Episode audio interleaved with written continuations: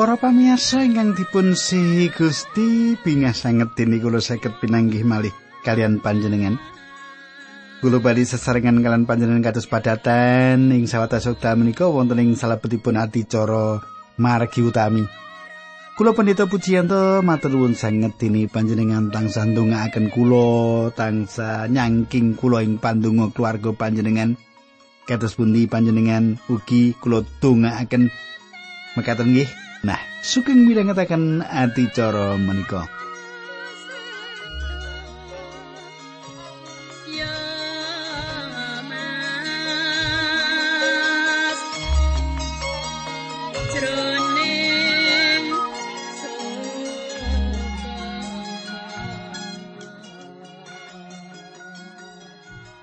Para pamirsa, menapa panjenengan tasih kemutan menapa ingkang kula aturaken duk nalika pepanggihan kepengker?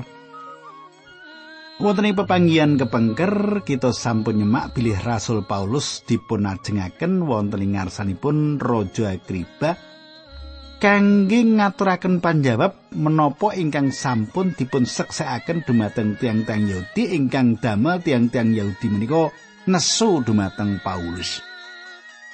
Salajengipun menapa kemawon ingkang dipun aturaken dening Paulus ing ngajengipun Raja Agripa menika kita badhe nyemak ing samenika nanging penting kangge kita saderengipun kita lajengaken kita ndedonga rumiyin. Monggo kita tumungkul kita ndedonga duh Kanjeng Rama ingkang adhedhampar wonten kraton ing kasuwargan. Kawula ngaturaken gunging panuwun menawi wekdal menika kawula saged sesarengan Makempal saged sesarengan mirengaken dawuh pangandikanipun paduka. Kawula nyuwun Gusti berkahi, Gusti mitulungi kawula lan nuntuni kawula supados asma paduka kaluhuraken saking menapa ingkang kula rembak sesarengan menika. Dinambaran asmanipun Gusti kawula Yesus Kristus kawula tetunggal. Haleluya. Amin.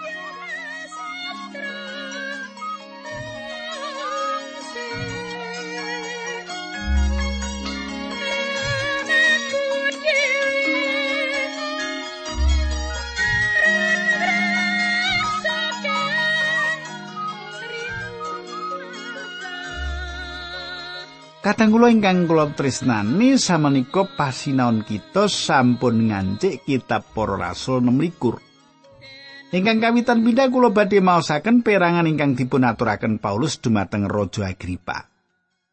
Kula badhe maosaken tanpa mandek supados menapa supados panjenengan saged mangertos pawartos ingkang dipun lantaraken Paulus menika. Sejatosipun pawartos menika ngandhut satunggalipun carios, lajengipun lantaran carios menika kula badhe nyukani keterangan. Kulo badhe maosaken para rasul 16 ayat kalih ngantos 13 nggih. Rada panjang awit saking menika panjenengan kedah sabar mirengaken. Makaten pangandikanipun Gusti ingkang minulya Sang Prabu Agripa kawula rumaos bejo dipun parengaken ngaturaken panjawab tumrap sedaya pandhawanipun tiang Yahudi wonten ing ngarsanipun Sang Prabu. Langkung-langkung margi kula mangertos bilih Sang Prabu menika paham sanget dhateng adat tata caranipun bangsa Yahudi. Awit saking menika kawula nyuwun kanthi sanget kersa Sang Prabu midhangetaken atur kawula kalayan sabar. Tiang Yahudi sedaya sami mangertos menggah gesang kawula wiwit kawula tasih lare wonten ing negari kawula piyambak ing kitha Yerusalem. Makaten ugi tiang-tiang menika sami sumerep menawi sami purun dados seksi bilih wiwit wiwitan mila kawula dados panganutipun agami ingkang tegen inggih menika golongan Farisi. Lan samenika kawula ngadeg wonten ing ngarsanipun Sang Prabu ing ngriki margi kawula pitados dhateng perjanjianipun Gusti Allah dhateng para leluhur kita. Ingkang kelampahanipun perjanjian mau ugi dipun antos-antos dening taleripun bangsa Israel kalih welas. Inggih jalaran menika para leluhur wau sami ngabekti dhateng Gusti Allah rinten lan dalu. Inggih margi kapitadosan kawula menika, Sang Prabu kawula dipun dakwa dening tiang-tiang Yahudi. Menapa sebabipun dene tiang-tiang Yahudi mboten sami pitados bilih Gusti Allah nangekaken tiang pecah? Kawula rumiyin kawula piyambak gadah pemanggih bilih kawula kedah nglawan dateng pawartos Injil bab Gusti Yesus saking Nazaret menika. Panglawan menika kawula tindakaken wonten ing kitha Yerusalem, kawula nyuwun serat kuwaos dhateng para pengajengipun imam kangge nglebetaken umatipun Gusti Allah ingkang kathah dhateng pakunjaran. Lan menawi wonten tiyang ingkang kadawan paukuman pecah, kawula tumut nyarujuki. Asring kawula nyiksa tiang-tiang Kristen menika wonten ing sinagoge-sinagoge lan budidaya supados tiang-tiang menika sami nyelaki kapitadosanipun saking bentering manah kawula ngantos kisah ugi dhateng kitha-kitha ing sanes negari supados saged nguyo-uyo tiang-tiang menika. Inggih kangge keperluan menika kawula kisah dhateng kitha Damsik kalian beto serat kuwaos saking para pengajengipun iman. Nalika kawula nglersi wonten ing margi dhateng kitha Damsik, wau Watawis tengah dinten dumadaan wonten cahya ingkang padangipun ngungkuli padanging surya. Cumlarat saking langit nglimputi kawula lan para tiyang ingkang dados kanthi kawula. Kawula sakonco sami dawah ing siti, kawula lajeng mireng swanten ngendika dhateng kawula mawi basa Ibrani, Saulus, Saulus, yo gene kowe kok nguyu aku. Srana panglawan kuwi kowe natoni awakmu dhewe kaya sapi sing nyepak-nyepak palanging luku. Kawula lajeng nyuwun pirsa panjenengan menika sinten Gusti? Pangandikanipun Gusti, aku iki Yesus sing kok kuyo-kuyo. Tangio lan ngateko, nggonku ngetingal marang kowe kuwi mergo aku netepake kowe dadi abdiku. Kowe bakal dadi seksi tumrap wong liyane yen kowe ing dina iki wis ndeleng aku lan uga perkara-perkara liyane sing besok bakal ndak tuduhake marang kowe. Kowe bakal ndak sengker saka bangsa Israel lan saka bangsa-bangsa liyane lan ndak utus marani bangsa-bangsa mau. Kowe bakal ngelekake mripate sarta nuntun wong-wong kuwi saka pepeteng marani pepadang supaya wong-wong mau uwal saka panguasane iblis marang panguasane Gusti Allah. Mergo percaya marang aku, dosa-dosane wong mau oleh pangapura lan padha dadi umat pilihane Gusti Allah. Sang Prabu Agripa ingkang minulya, margi saking menika kawula jengin stakaken dawing wahyu ingkang sampun kawula tampi saking swarga wau. Ingkang rumiyin piyambak kawula wonten ing kitha Damsik saking riku lajeng dhateng kitha Yerusalem lajeng dhateng tanah Yudea sedaya so ugi dhateng tiang-tiang kafir, tiang-tiang mau sami kawula atak-atak supados sami mertobat sarta wangsul dhateng Gusti Allah sarta sami nindakno pendamel-pendamel ingkang nelakaken pamratobatipun. Inggih margi ingkang kawula tumindak makaten menika murukaken tiang-tiang Yahudi sami nyepeng kawula nalika kawula wonten ing pedalamanipun Allah. Tiang-tiang wau sami ngangkah mejahi kawula. Nanging ngantos sepriki kawula dipun ayomi dening pangeran lan samenika kawula ngadeg wonten ing mriki ngaturaken pasaksi kawula dhateng sedaya tiang ingkang ageng menapa dening ingkang alit menapa ingkang kawula cariyosaken menika sami kalian ingkang sampun kaweca dening para nabi lan dening Nabi Musa. Inggih menika bilih Sang Kristus ingkang kajanjakaken badhe rawuh menika kedan nandang sengsara lan dados tiyang ingkang kawitan wungu saking sedo supados panjenenganipun martosaken kawilujengan dhateng tiang Yahudi lan dhateng tiang sanes Yahudi inggih kawilujengan ingkang minangka pepadang wonten ing gesangipun manungsa. Kadang kula ingkang kula tresnani sasampunipun Paulus nyukani keterangan sederhana kegayutan lampah gesangipun. lan menika hasil saking asal usulipun ingkang limprah lajeng kalajengaken kados pundi piyambakipun gesang minangka jejeripun tiang Parisi lajeng pengalamanipun ing wekdal piyambakipun wonten margi tumuju dhateng Damsik Paulus sanjang aku pikir kudune aku nindakake apa kang lelawanan karo asmane Yesus saka Nazaret Gusti Yesus mboten nate gadah mengsah ingkang kejem lan awatek awon kados dini Saul saking Tarsus. Kita saged cemak wonten ing mriki kados pundi Saul saestu sengit dumateng Gusti Yesus Kristus lan Injil. Paulus nyariosaken kados pundi piyambakipun ngrisak gereja ing Yerusalem lan nyepeng kathah tiang suci salajengipun tiang-tiang suci menika kalebetaken dhateng pakunjaran. Inggih menika ingkang dados jalaran kenging menapa piyambakipun saged tahan kalih taun wonten ing pakunjaran nampeni patrap sewenang-wenang saking para pemimpin agami. Paulus nate dados salah satunggal saking para pemimpin agami menika. Piyambakipun mangertos kanthi pas menapa ingkang dipun raos para pemimpin agami menika. Salajengipun kadang kula ing salebetipun ayat 13 Paulus nyariosaken malih pengalamanipun ing wekdal wonten ing margi tumuju dhateng Damsik. Kados pundi Gusti Yesus nyepeng piyambakipun, kados pundi piyambakipun dawah dhateng Siti lan mireng Gusti Yesus ngandikan dumateng piyambakipun. Salajengipun Paulus emut bilih piyambakipun menika sawek lumawan karsanipun Gusti Allah. Sawetawis taun salajengipun piyambakipun nyerat dumateng pesemaning Filipi, kegayutan pengalaman menika piyambakipun meratelaken makaten. Filipi 3 ayat pitu ngantos wolu. Nanging kabeh perkara sing dek biyen ndak anggap maidai mau saiki ndak anggap mitunani mergo Sang Kristus. Ora mung perkara-perkara kuwi wae nanging kabeh perkara saiki ndak anggap mung mitunani yen ketanding karo sing luwih haji ya kuwi kawruh bab Sang Kristus Yesus Gustiku. Mergo saka Sang Kristus kabeh mau wis ndak buang lan kabeh mau ndak anggap uwuh supaya aku bisa nampa Sang Kristus. Katanggula ingkang kula tresnani panjenengan semak. Satunggalipun ewa-ewaan saestu estu dumados sing salebetipun gesang Paulus. Piyambakipun sampun masrahaken gesangipun dumateng agami. Nanging ing wekdal piyambakipun kepanggih Gusti Yesus Kristus. Piyambakipun butsal keyakinan agaminipun. Menapa ingkang dipun anggap nguntungaken rumiyenipun sasampunipun pitados dumateng Gusti Yesus kaanggep mitunani.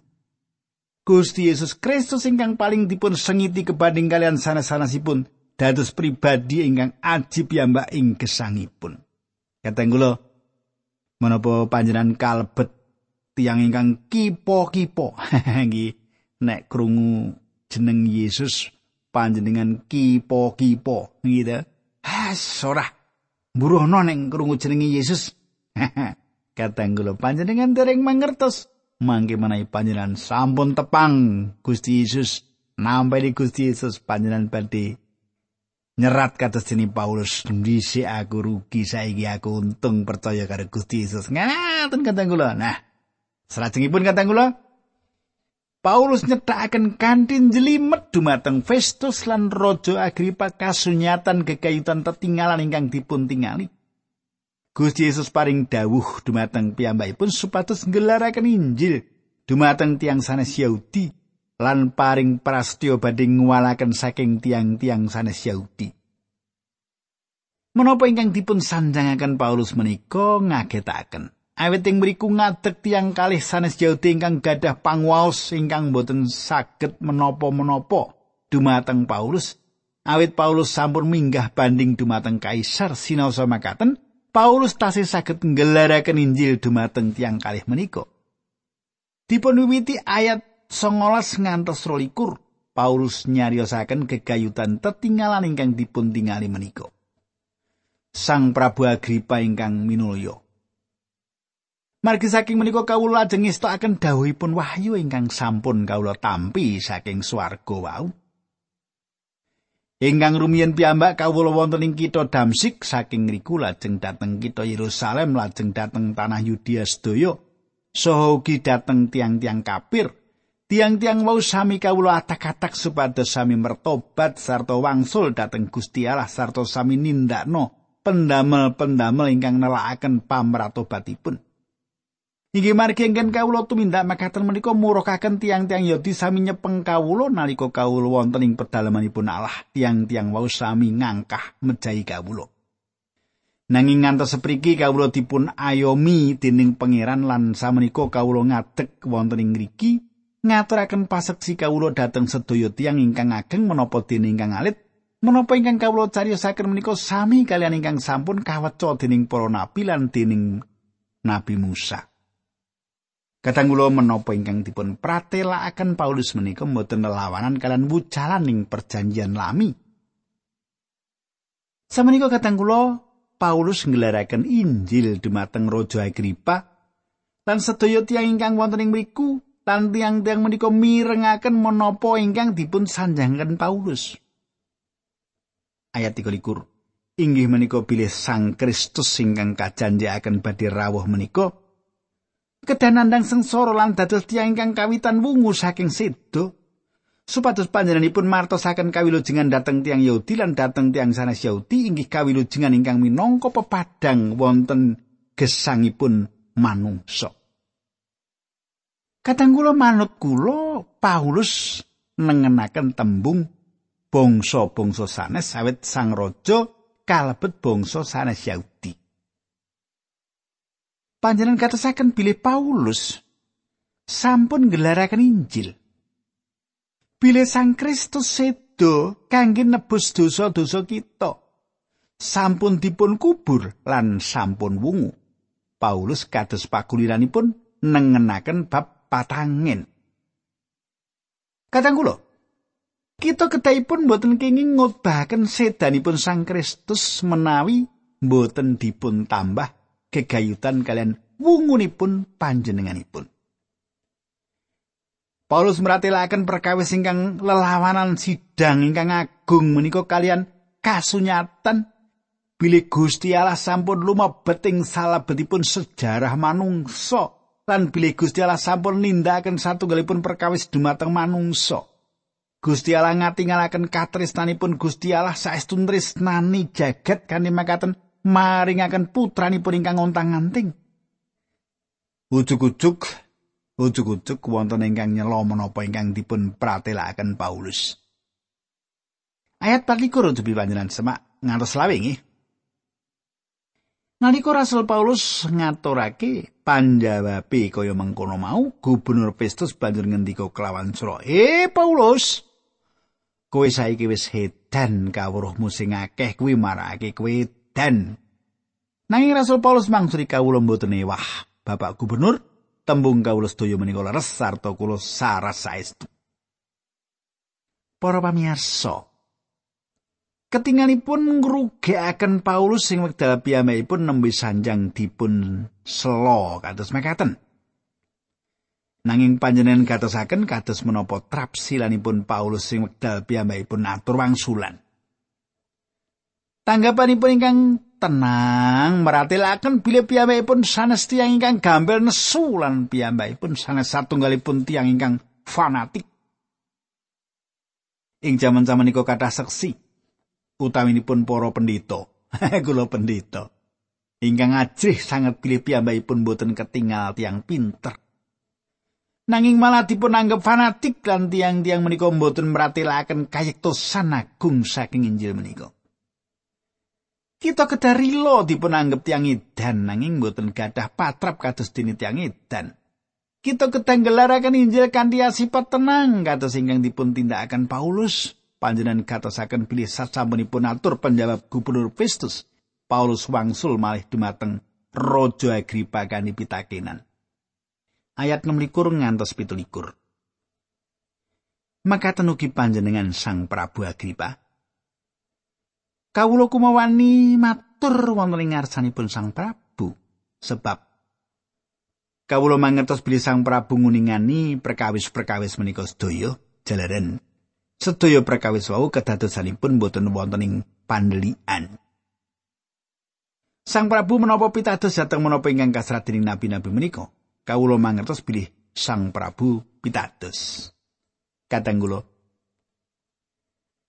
Kangginipun panjenengan menapa saged dumados pitados dumateng kasunyatan-kasunyatan tanpa paham makna ingkang kandhut ing salebetipun. Panjenengan saged ugi mangertos kasunyatan-kasunyatan kegayutan kalian Injil. Bilih Gusti Yesus sedo kangge dosa-dosa panjenengan wungu malih nanging gegayutanipun panjenengan kalian kasunyatan-kasunyatan menika satunggalipun perkawis ingkang sakleresipun. Ayat 12 lan 29. paring wangsulan Sang Prabu Agripa. Meh wae kowe nyakinake aku supaya dadi wong Kristen. Wangsulane Rasul Paulus panyuwun kawula dhateng Gusti Allah. Mugi sekedap palih menapa dangu panjenengan lan sedaya tiang ingkang sami mirengaken kawula ing dinten menika saged dados kados dene kawula kejawi anggen kawula dipun rantai menika. Kadang kula Agripa inggih menika tiang ingkang lantip. Piyambakipun paring wangsulan meh wae aku kok yakinake dadi wong Kristen.